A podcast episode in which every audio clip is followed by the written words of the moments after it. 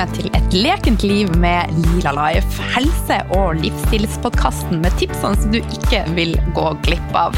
Nye tema hver uke. Jeg snakker om hormoner, jeg snakker om fordøyelse, jeg snakker om selvtillit, jeg snakker om sex.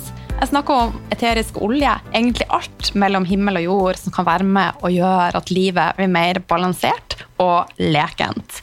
Noen ganger er det meg, og noen ganger har jeg med meg spennende gjester som har motivert meg på en eller annen måte. Og hvem er jeg? Jeg er Oline. Jeg er næringsterapeut, yogalærer, jeg er veileder i bruk av eteriske olje. Jeg er mamma og jeg er kone. Jeg har en brennende interesse for en naturlig helse. Og sjøl har jeg vært alvorlig syk i mange år, og nå er jeg snart 43 og mer vital enn noen gang. Og det er min drive. Jeg har lyst til å vise at det er mulig å gjøre en stor forskjell med små endringer. Brikke for brikke, steg etter steg. Det er rett og slett mulig å endre noe vanskelig til noe godt. Så det er min motivasjon. Jeg blir kjempe, kjempeglad om du deler eh, podkasten min med kjente og kjære, og jeg håper at du får masse læring og utbytte av eh, et lekent liv med Lila Life. Så legg gjerne igjen også eh, ei tilbakemelding på iTunes eller Spotify, og så tar jeg deres tilbakemeldinger med der. Og har du tema du vil jeg skal legge litt eh, ekstra energi på, og kanskje ta opp, så del. Ja, velkommen til eh, episode ni av Et lekent liv eh, med Lila Life. Og i dag så har jeg også med meg han Arnold eh, Berstad. Og i episode åtte så snakka vi mye om fordøyelsen. Vi snakka om det med balanse i melkesyrebakteriene våre. Vi snakka om candida, ME-symptomer, fibromyalgi etc.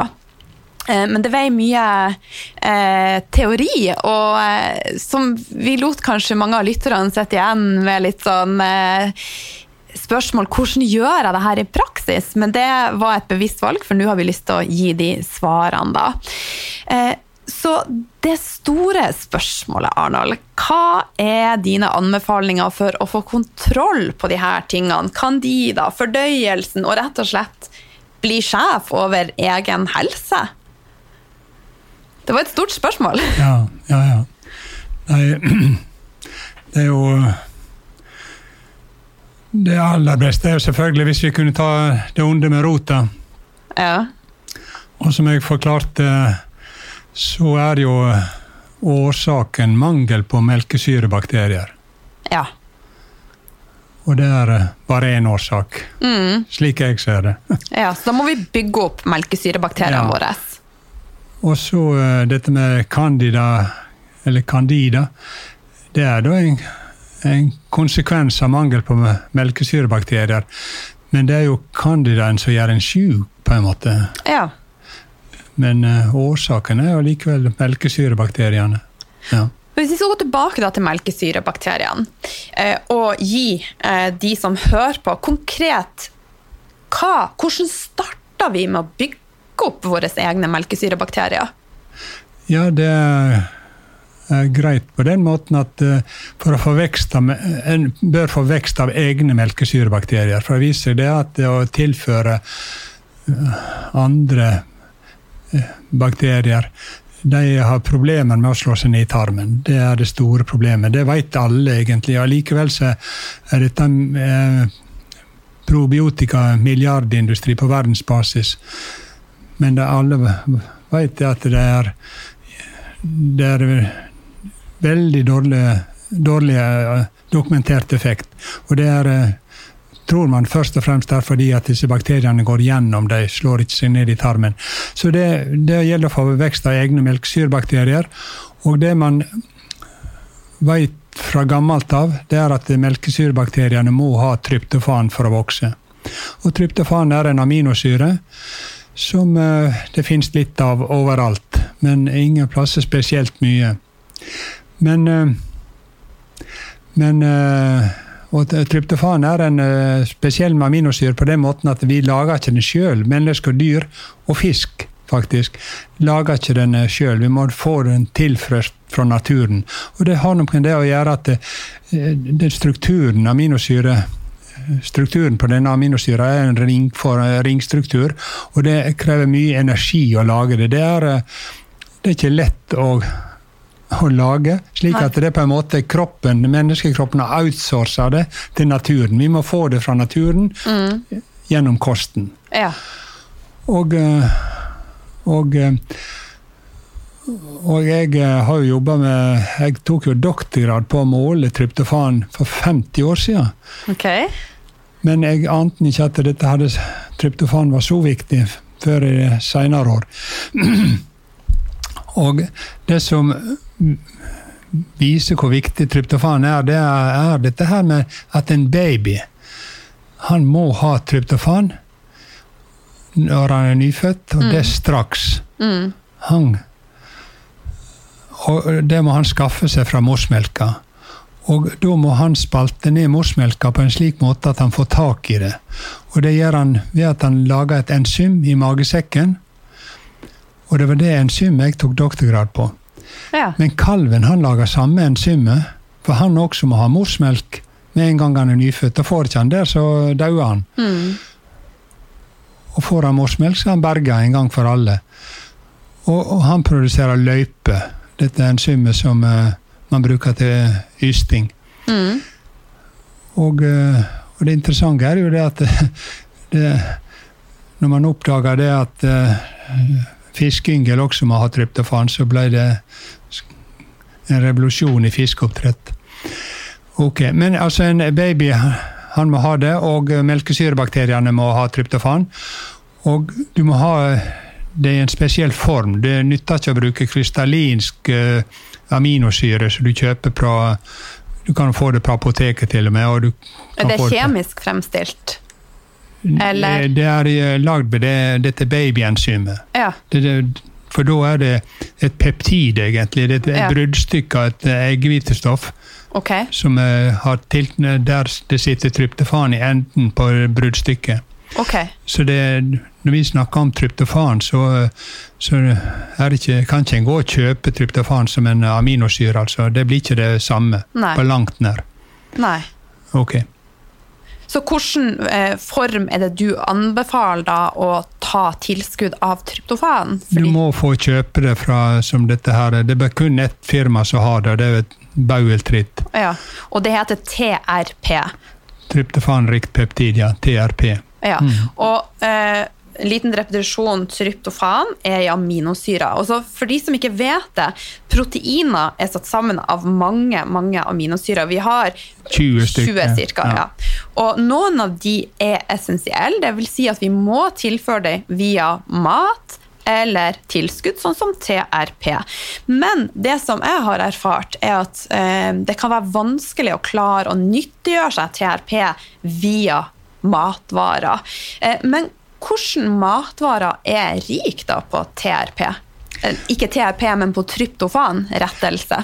Ja, der er eh, Men det, det, tryptofan er det litt av i alt, overalt, egentlig. Men melk er jo av de stoffene som inneholder mest tryptofan, og det er nok med tanke på babyen. Enten det er menneskebaby eller ja. en kalv. Ja. eller en fiskeyngel. Så både melk og da oster og fløte, men også vanlig kjøtt og fisk? Ja, det, det ja. er ja. Men også det grønne i naturen inneholder mye tryptofan. Og det er eh, litt interessant at ugras ja. De bruker jo Rundup, mm. det ugrasmiddelet, glyfosat. Det brukes jo veldig mye over hele verden som, eh, for å drepe ugras. Og det blokkerer syntesen av tryptofan i naturen. Og vi kan ikke leve her på jorda uten tryptofan. Allikevel er det lovlig å sprøyte overalt. Til og med, med de bruker fly til å sprøyte glyfosat, som blokkerer syntesen av tryptofan i naturen. Det er jo eh, utrolig hårreisende. Men det er jo da igjen en oppfordring til alle vel økologisk, der du ikke har mat som er sprøyta, sånn at vi kan få stopp faktisk denne For det er jo rett og slett bare hårreisende. Ja, det høres ille ut når jeg fremstiller det på den måten, men, men det er jo at det er ikke bare det at det blokkerer syntesen av tryptofan i, i, i natur, men det, vi får i oss tryptofan, eh, nei, glyfosat, Rundup, viser seg med kosten. Slik at da kan det jo påvirke oss Opptak, mer direkte. òg. Ja. Mm. Eh, Det er jo gjort, dette blir en liten avsporing, da, men eh, på blodprøver i dag, kontra hvis man går tilbake 20-30 år, så er mengden giftstoffer som vi finner i blodet, økt altså katastrofalt. Så det, Ja, ja, det er jo ja. også med å påvirke vil jeg tro, konverteringa av næringsstoffene inn på cellenivå, og bl.a. tryptofan. Og tryptofan er jo, som vi prata om i forrige episode, også forløperen til mange andre viktige ting. Sånn at alt i kroppen vår henger jo sammen, og det ene påvirker det andre. På godt og vondt. Ja. Så derfor, eh, Sjøl har jeg brukt eh, TRP nå i tre-fire år, og jeg merker at det har en veldig fin effekt. Og såpass fin effekt. Og siden det er naturlig, så har jeg valgt å beholde det i det daglige. Hva tenker du om det? Er det noe man bør bruke bare en periode, eller er det greit, sånn som jeg har valgt å ta en dose av det daglig? Det tror jeg er helt greit, for dette der er jo egentlig en babymat. Og det vil jo være veldig rart hvis dette, det har bivirkninger, i og med at det kan lages av melk og Og ja. Det, det er bare til bruddstykker av melkeproteinet. Ja. Men hvis du da ikke tåler fisk, for TRP det er utvunnet fra fisk Ja, du kan lagre fiskeprotein òg. Ja, Hva er tipset men, ditt da? Men det er, det, det, det er så nedbrutt at det, vi har aldri vært ute for at eh, fiskeallergikere Reagerer, reagerer på det. på det. Men uh, fiskeallergi er en kraftig allergiform, slik at vi er alltid forsiktige når pasienter uh, sier at de har fiskeallergi. Men uh, igjen, jeg, jeg har aldri sett at de har reagert på dette her. Så hvis det er noen som har en fiskeallergi, så kanskje prøv helt forsiktig, eller vil du Ja, ja, Ja. kan si det slik. Ja, ok. Så TRP tenker du at er kjempeviktig for å klare å få bygge opp vår egen hær av gode bakterier. Er det noen andre ting som du mener er viktig for å støtte vår egen flora, altså bakterieflora? Bakteriefloraen, ja. Jo, eh, det er ja, viktig. Jeg tror at um, Jeg har lyst til å nevne gammelost på andreplass. Ok, ja. Kjør, kjør på med gammelost. ja. for det er, er eh, interessante stoff. Men uh, ja. Men ellers uh, Jeg vet ikke om jeg kommer på noe annet jeg, som uh, Det er type prebiotisk mat som er med. Prebiotisk, ja, da er du inne på mat til bakteriene. Det er jo, Tryptofan er jo egentlig mat til bakteriene. Ja. Og prebiotika er mat til bakteriene. Ja. Og uh, da kan du si at eh, vi tror jo at uh, fiber òg er av forskjellig slag. At det er mat for bakteriene. For det er jo det bakteriene jobber med. Den fiberen den kommer til tjukktarmen, og den bakteriene bryter ned ved hjelp av fermentering. slik at det er det stiller jo krav til bakteriene, og det, jeg vil nå anta, ta, antar jo det at det gir vekst av bakterier òg, selvfølgelig. Så, så fiber er nok eh, Fiber av alt slag. Alt eh, Og dessuten, det er jo fiber som ikke blir ned, brutt ned. Jeg har jo hørt en kjent mikrobiolog han sier at fiber Bakteriene liker veldig godt å, å sitte på fiberen som fuglen sitter på telefonstrengen. Ja, ok. ja. Så bakteriene er veldig glad i fiber. Ja. Der eh, har jeg gjort meg noen erfaringer sjøl. At eh, f.eks. rå grønnsaker og mat altså, eh, Jo mindre behandla grønnsakene er, jo vanskeligere har det vært å bryte de ned. Og når jeg var som dårligst, så var det vanskelig for meg å spise det. Så jeg har valgt da å enten dampe det eller forvelde det lett, sånn at du får åpna opp cellulosene, sånn at det blir lettere å bryte ned. Men samtidig så får du den prebiotiske effekten. Henger du med på den tankegangen? Absolutt. fordi at det med fiber har det vært forska masse på, og eh, resultatene har vært skuffende på den måten at det virker som om disse pasientene tåler ikke så veldig godt fiber i store Nei. mengder, i hvert fall. Nei. Enda det skal jo være så sunt. Og jeg tror det at det å så eh, bløtgjøre fiberen, altså varm, både varme den opp og, og, og vann på, eller la det stå og godgjøre seg en stund, slik at den blir bløtna, det tror jeg er viktig. Ja, Og da når man i tillegg, hvis man da damper grønnsaker og gjør de skikkelig ja. deilige og gode, og så har vi masse smør på, ja. så vil det være ja. fantastisk, ikke sant? Ja, det er jeg helt enig i. Jeg er ikke noen ekspert på mat, langt ifra. Jeg har alltid et det jeg får. ok, og likevel, men du har alltid vært frisk og rask, har du ikke det? Ja, ja, ja. Så og det er viktig å ta med her i betraktning, ikke sant? Ja. Så du er velsigna! ja, ja. Nei, jeg tror du har helt rett i det der at fiberen skal en uh, varme opp litt og, mm. forvelle, eller hva de kaller det. Ja. Og så nevnte du gammelost. Men hva tenkte du da om andre oster, sånn som blåskimmerost, som også inneholder en form for bakterier? Hva tenkte du om det? Vil det være samme Jeg tror det kan være mange ting der som er bra, jeg, men eh, jeg har ikke Jeg har ikke erfaring med annet enn gammel ost. Ja. Eh, havregryn er du også en stor tilhenger av. Og når jeg da eh, kom til deg og du ba meg spise havregryn, så var jeg litt skeptisk. For at jeg har ikke spist korn og var veldig sensitiv oh, ja. på korn. så så den satt langt inne. Men jeg har begynt med det, og har liksom laga min egen variant, og det funka kjempefint. Men hva er det med fiber, nei, med havre som er så bra? Ja, Det veit jeg heller ikke, men, eh, men, det er erfaringssak. At havre det tåler disse pasientene relativt godt.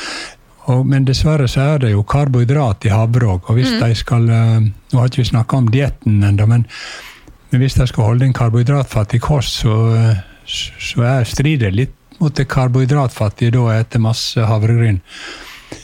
Men um, Jeg har men, løsninger, skjønner du. Du har? Jeg har løsninger. Har du det? Ja. Få høre, da. Eh, det som jeg valgte å gjøre eh, For at vanlig eh, havre det er lett fordøyelig. sånn at jeg har gått over på det som heter cut havre. Den er kutta på en annen måte, som gjør at den er mer tyggemotstand. Det er også urkorn. I tillegg da, så har jeg kutta ned på mengden havre jeg bruker, og den er langtidskokt. Så tilsetter jeg eggeplomme og også eh, da tryptofan. Og i tillegg så har jeg litt kollagen i og masse smør. Sånn at det gjør at vi er mer balansert mellom karbohydrater, proteiner og fett, og det holder meg mett i en evighet. Så sånn har jeg løst det. Så den ligger på bloggen min, oppskrifta. Og jeg tenker at den var ganske smart. Er du ikke enig? Ja, ja, det høres veldig bra ut. Jeg eh, er ikke ekspert på alle områder. Men det er bra at jeg òg kan lære noe til deg, eksperten. Så du er ekspert på så mye annet. Og, men i forhold til havre, så har du prata mye om For når vi koker havregrynsgrøt, så ser du jo at det dannes et altså Det blir litt sånn slimete. Og det er vel bra for fordøyelsen vår? Ja, vi tror jo det, da. Ja. Mm. Så slim er rett og slett gull for fordøyelsen. Ja, ja, ja. Eh, I tillegg så inneholder jo havre de har jo soppdrepende egenskaper. Har de ikke det? Tja, ser du det? Ja. og ligninefiber, og det er jo også en ja, ja. komponent i TRP. Okay. Ja vel, det har det. Du er vel inne på noe der, kanskje? Ja. ja. Mm. Men du prater masse om omega-3 også? Ja, omega-3 er jo uh, veldig bra, for det, det, motvirker jo egentlig skadelig effekten av soppen. Slik at omega-3 er bra også i denne sammenheng. Absolutt. Men der har nå jeg forelska meg litt i sardiner, da. Ja. Fordi at det, det er jo eh, kanskje den beste og billigste form for omega-3. ja. Så rett og slett det å innta litt sardiner hver dag, men gjerne kanskje i olivenolje. Ja, eh, det er jo dette med oljene. Det er jo veldig komplisert. For omega-3 er jo sunt og er veldig bra. Mm. Omega-6 er ikke bra. Det motvirker liksom omega-3 nesten. Konkurrerer med omega-3. Og så omega-9, det er olivenolje, det er jo bra. Så det, det er ikke lett for pasientene å holde det ene fra det andre der. Nei. Men, eh, men gjerne bruke olivenolje, for det, ingen har sagt noe stygt om olivenolje ennå. Men mye i livet handler om balanse, og det jeg tenker jeg også med fettsyre. Altså, det handler om en balanse mellom omega-3 og 6 og 9 og 5 og alt. Eh, og eh, 6, som du nevner, for mye av det er både betennelsesfremmende og det utkonkurrerer mange andre viktige ting. Ja. Eh, så hvis vi klarer å, å kutte ned på f.eks. soyaolje, maisolje, for det er veldig rike kilder på omega-6, og innta mer sardiner, som du er en stor tilhenger av, og da kanskje mer eh, olivenolje som inneholder omega-9, så blir det en balanse. Eh, hvis man ikke liker sardiner, hva gjør man da? Makrell og sild er i samme gruppa, men uh, jeg tror at uh, sardiner er best. Og så er det at uh, Med sardiner så får du hele fisken. Innvollene og litt galle til og med, og det er kanskje det er viktig. Jeg vet. Det er jo litt interessant dette med galle. som jeg, at melkesyrebakteriene tåler galle, og, og det gjør ikke andre bakterier. Så det selekterer litt vekst av melkesyrebakterier. Utrolig spennende, da. Mm. Ja. Og så tror jeg jo det du er inne på nå med å faktisk få i seg litt innvoller, altså du sier rett og slett innmat, er viktig. Eh, For at en ting som har endret seg de siste årene, er jo at vi har gått mer og mer bort fra å utnytte hele dyret, både kjøtt og fisk, og mye av næringa ligger jo i det. Ja. Ja.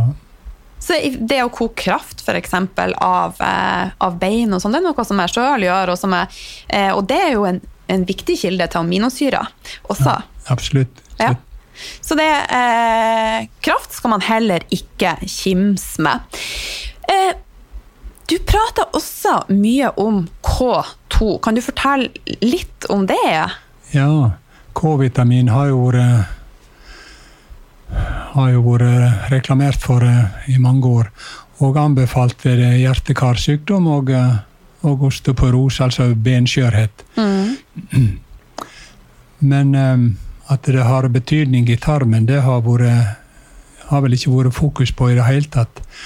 Men eh, det er litt interessant det at, eh, at eh, K2 det produseres av bakterier. Ja. Det, det er mange former for K2. En hel serie av forskjellige K2-er. Og, eh, og mange av de produseres av, tarm, av tarmbakterier. Spesielt da melkesyre og bakterier og noen lignende bakterier. og det Og K2 eh, disse her, eh, Denne typen eh, K2 det, det, har, eh, det er en vekstfaktor for eh, bakterier òg. Og, eh, og det har med elektrontransport å gjøre. Dette er eh, veldig vanskelig biokjemi, men det er trolig veldig viktig. ja. Så jeg tror at K2 har en eh, veldig viktig funksjon i tarmen. Det bakterieproduserte K2 blir eh, veldig dårlig absorbert. Mm. Så det, det, det har sitt liv i tarmen, eh, i tjukktarmen, og sitt liv og sin funksjon der. Og, eh, og bakteriene som produserer K2, blir drept, eh, også drept av antibiotika. Så her eh, kan det være et, eh, et nytt forskningsfelt. Ja. Så rett og slett igjen, vi er tilbake til at alt henger sammen. Mm. Når overdreven bruk av antibiotika det tar knekken på vår egen bakterieflora, det er med å gjøre at vi er mer sårbare for candida, og også det med K2 kommer ut av Ja. balanse. Det K2, det er Det tilhører en gruppe substanser som heter kvinoner. Okay. Og det, det som heter jubikvinon, det inngår i mitokondriene, så får elektrontransport i, mitokondriene ved aerob ra- respirasjon. Mm. Dette er eh, K2S jeg snakker om nå, som er i tarmen, det kalles menakvinon. Og det er eh, Det brukes ved anaerob respirasjon, altså sånn når metabolismen foregår uten surstoff. Ja. Og for deg som ikke vet hva mitokondriene er, så er det noe Det er rett og slett kraftverket inne i cellene våre der mye av energiomsetninga Ja. foregår. De danner energi, eller Ja. omsetter energien ja, til Ja. et, en kjem, kjemisk substans. Ja. Eller det egentlig ja, det, det der energifabrikken er. Ja, og det snakka vi også litt om i episode åtte, at der går det også feil i mange, mange sammenhenger. At vi klarer ikke å konvertere eh, karbohydrater over til energi der det faktisk skal skje, og det igjen skaper litt trøbbel. Ja. Ja. Så em, vi har prata om, vi har pratet om tryptofan, vi har prata om havre, vi har prata om gammelost, sardiner, K2. I forhold til K2, når vi ikke klarer å produsere det sjøl pga. at bakteriefloraen vår er ute av balanse, bør vi ta et tilskudd av det da? ja. Dette der vet jeg nå ikke noe om, egentlig. Slik at det, det er litt farlig å gå ut og anbefale det. Men eh, det er et eh, interessant forskningsfelt. Ja, ok. Hvis du vil oppsummere da, dine råd til en pasient som kommer til deg da, for å klare å ta tak. Altså, vi har nevnt eh, eh, TRP og alt det her. Er det andre ting du vil eh, ta med på denne? Ja, Pasientene er jo veldig opptatt av maten, fordi at de har jo denne matoverfølsomheten. Så de eh, eh, mener jeg er veldig viktig. Og det er eh, viktig på mange måter, men og, eh, Men du, selv om du holder aldri Altså, den kosten Du, du blir ikke frisk av en kost, egentlig. Det vil si, noe, det er en kost på en måte det vi har snakka om. Men med å regulere, unngå det du ikke tåler. Jeg tåler i gåseøyne òg. Dette er forferdelig vanskelig, for det at du greier ikke skille mellom det du ikke tåler, og det det bakterien ikke, det soppen ikke vil ha. Ja. For det, denne krevingen, eller fysinga på søtt og godt, det har med soppveksten å gjøre. ja. Og, og selv om du ikke omdanner det til energi, og du blir syk av det, så vil soppen ha det. Mm. Så det er en konflikt, og pasienter må lære seg til dette her, og ikke jatte med soppen Soppen og bakteriene. Ja. og bakteriene. Vi kan Ja. sikkert begge deler. Så um, det å unngå det karbohydratene, da, og et eh, fett og smør, og bacon, det er veldig viktig for hvordan man har det. For du blir, vi har forklart at du blir syk av disse her melkesyre, melkesyra som hoper seg opp, og andre ting òg, som eh, Og det kommer hovedsakelig fra karbohydrater. karbohydratene. ja. Ja. Så, og det, da føler man seg veldig mye bedre når man står på en karbohydratfattig, fettrik kost. Men igjen, du blir ikke frisk av det. For du har ikke tatt årsaken. Årsaken har mer med dette her ved tryptofan og melkesyrebakteriene å gjør, og der må du til med dette andre vi snakket om. Og der er det jeg vil eh, fremheve da uh, uh, tryptofan, TRP, tryptofanrikt peptid. uh, kanskje gammel ost, kanskje omega-3, kanskje eller sardiner. Og, eh, og, eh, og kanskje K2. Det blir eh, da veldig mye kanskje, altså. Men, men det er jo dette her tryptofanet som har vært jeg har hatt hovedfokus på hittil. Ja. Eh, gammelost, da. Hvis man skal innta gammelost, eh, så en sånn typisk norsk fremtoning er jo da å smøre det på ei skive. Så da må vi kanskje tenke litt alternativt der også, for skal vi bort fra et karbohydratrikt kosthold, så må vi jo også eh, kutte ned på den vanlige brødskivene våre. og da finnes det jo mange gode alternativ. Eh, og man kan jo også spise sardiner og gammel, gammelost i lag, kan man ikke det? Jo, altså, men der så er du mye flinkere enn jeg å jeg finne på noe. Så nå får jeg ei utfordring her om å klare å komme med noen oppskrifter med gammelost og sardiner. Ja, og ja. Lila hun er på saken. Eh, Men du har også prata om at en del urter kan være virkningsfullt, sånn som gurkemeie, kanel, ingefær, oregano. Og sjøl så bruker jeg, det prata vi om tidligere i dag, jeg bruker mye eteriske olje. Hva tenker du om det? Ja, det gurkemeie og dette andre du nevnte, det er jo Jeg har jo lest om dette og prøvd det i praksis, og, det er jo interessant på den måten at det det binder seg til slimsubstanser, og det røsker med seg slim ut. Og det er jo gjort studier med gurkemeie. Massevis av studier med gurkemeie. Det er utrolig masse å finne. Men det er det at man har, det meste er gjort på dyr og eksperimentelt. For på folk, når man gir gurkemeie, så blir det ikke det absorbert. Det går gjennom tarmen og drar med seg slim og, eh, og sopp, tror jeg, da. Reduserer soppen. Og det er jo veldig bra, og det dreper bakterier. Men, og det er veldig bra kanskje at det ikke blir absorbert, for det er heller ikke giftig. Men mange pasienter har funnet ut det at du blander du med litt svart pepper med gurkemeie, så blir det litt mer absorbert. og Da får du mer effekt av gurkemeien, men da, da blir den også mer giftig. Så det der er et Jeg veit ikke riktig hva jeg skal anbefale, men eh, å bruke gurkemeie er eh, ufarlig. Og det samme tror jeg gjelder kanel. Jeg har iallfall aldri sett noe Jeg har jo anbefalt rikelig med kanel, for det også har sånn antisopp. Det er sånt forsvar mot eh, sopp, egentlig. Men der er det jo primært en kaneltype som heter Ceylon som anbefales, for det er forskjellige. Men det er en liten nerding. ja. Okay.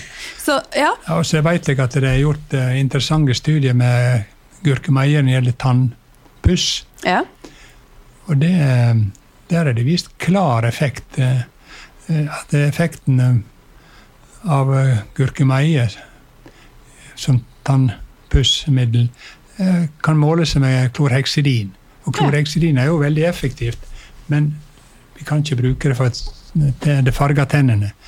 Det gjør ikke gurkemeie. Jeg bruker er- faktisk gurkemeie i munnen min hver eneste dag. jeg. Ja. Men i, eh, i eh, eterisk oljeformat, da. Å ja. Ja. Ja, vel. Mm. ja, men da blir det vel absorbert, da. ja, jeg tar det rett opp i ganen. Oh, ja. Og eh, på min deler vi her, og på For jeg, en av mine automunne ubalanser da, går på slimhinna, så jeg smører gurkemeie på det området og holder det helt i sjakk. Men det er jo sterke antioksidanter. Ja, Ja. ja. det, Så men jeg kan ikke helt klare, Jeg vet jo ikke effekten, altså hva er det som skjer. Jeg bare ser at det har en positiv virkning på meg. Sånn at, ja. antioksidanter tror jeg er veldig viktige. Uh, og um, dette eteriske oljene som du nevner, det har jeg jo ikke greie på i det hele tatt. Men um, det er jo det at det er sånne polyfenoler, mye av dette der, og det har uh, antioxidanteffekter. Og, um, og det, den der det, der, uh, det er elektrontransporten er et problem i tarmen Ja. hos disse pasientene. Det er eh, et nøkkelproblem, egentlig. ja. Og dette her at eh, som vi snakket om i eh, første episode, at den fordøyelsen, da er det veldig viktig å bryte ned, tyne ut av tarminnholdet all siste rester av energi. Det er jo for å skaffe energi til kroppen, men det er også dette her å få elektroner, at du produserer elektroner som brukes andre plasser. Det er på en måte et batteri som hele kroppen går på. ja. Og når det der blir utlada, så eh, Ja, dette enzymet som, eh, som gjør at vi ikke fordøyer karbohydratene, pyruvat dehydrogenase, det er et enzym som må lades. Det må være i redusert form. Det er et eh, stort enzymkompleks som inneholder antioksidanter og glutation, og, og det må være i lada ja. altså opplada, ellers så fungerer det ikke. Slokner dette enzymet, så uh, fordøyer ikke vi karbohydratene. Så, uh, så dette der, det der har med det. elektrontransport og dette der da må du langt inn i biokjemien, så Ja. du forstår dette der. Det er utrolig spennende, da. Og langt over mitt hode òg. Ja. Mm. Men hva tenker du om eh, å uh, Sjøl jeg tilskudd av enzymer for å klare å spalte mat. For å spalte fett, for å spalte karbohydrater, spalte proteiner. Er du skeptisk? Det har jeg ikke tro på. Nei? Men det Og det har jeg forska på, jeg òg, så jeg, eh, Ja. jeg har litt bakgrunn for å si det. Ja. En ting for dere som har hørt på meg og Arnold. Vi er begge veldig rett fra levra, og det digger jeg. er det noe Arnold ikke tror på, så er han 100 eh, ærlig på det, og det er kjempe, kjempebra. Eh, du har jo hatt eh, mange pasienter og, som har fulgt rådene dine. Altså, hvordan er uttellingsprosenten? Ser du at det funker, rådene om tryptofan og det du anbefaler? Ja, det er det som gjør at jeg eh, ikke vil gi meg. Jeg, men jeg, eh, det er jo vanskelig å uttale seg helt eh, sikkert om noe så lenge du ikke har med en kontrollgruppe Mm. som ikke får noe behandling, eller som får placebo. Så, og vi veit jo ikke hvor mange som ville ha blitt friske av seg sjøl. Men, men eh, jeg har jo pasienter som blir friske, og som gjør at jeg eh, har veldig tro på dette her. Ja. Jeg tror faktisk at dette her eh, Du begynte jo med å si at dette her er en autoimmun sykdom. Mm. Og, og det har ikke jeg satsa på i det hele tatt, at det er autoimmun sykdom. At du får At det er en av mange konsekvenser av dette her. Vi ser jo det at, eh, at uh, metabolismen av tryptofan har uh, immunkonsekvenser. Mm. Det, det, det, blir det som nedbrytes av tryptofan gjennom kynurenin, kynureninveien, det ender opp med å, og, uh, ha effekter på immunapparatet, spesielt denne her i utvikling av immuntoleranse. Men det er en konsekvens som kommer langt ut i forløpet. En annen eh, interessant nedbrytnings, et annet interessant nedbrytningsprodukt av trutofan er dette er indoler. Og det er det som lager denne karakteristiske avføringslukta. Og det liker vi jo ikke. Men det er jo egentlig veldig sunt. Ja. Det er jo faktisk eh, et veldig eh, lukt av et, et sunt indre miljø. ja. Ja. ja. Så avføring skal rett og slett lukte litt? ja. Og hvis lukta forsvinner, det er farlig. Ja. Ja, faktisk. Mm. Hvis man gir så mye antibiotika at lukta og avføringa forsvinner, Mm. da kan eh, det være fare for at pasienten ikke overlever, faktisk. Ja.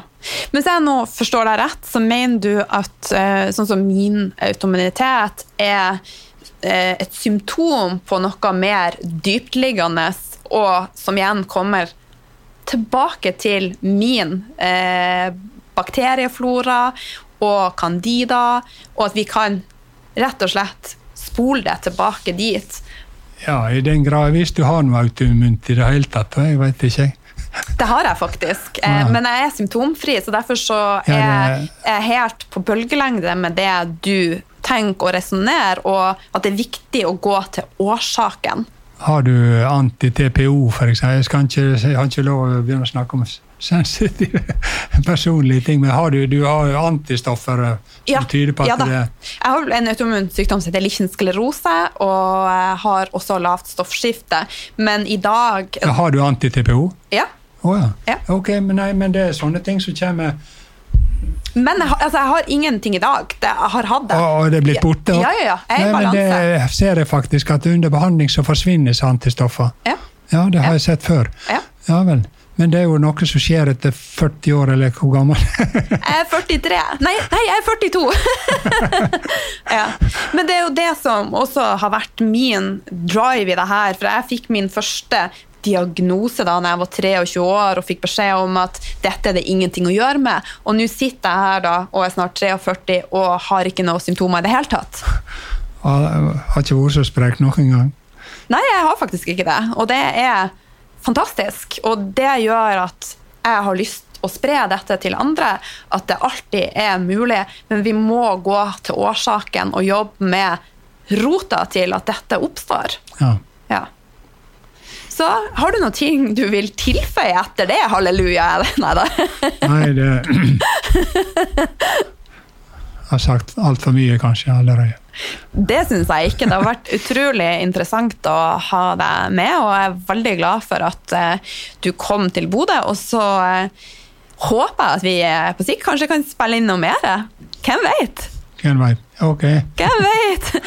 Så da takker jeg og han Arnold eh, for følget i episode ni av et eh, lekent eh, liv med Lila Life. Og så i neste episode episode 10 så har jeg med meg solstråla Helene Ragnhild. Så del gjerne ord som vi har spredd i dag, til kjente og kjære, og alle som er kommet litt ut av balanse og trenger å gi litt ekstra kjærlighet til eh, bakteriene og hele seg. Så da, tusen takk for oss i dag.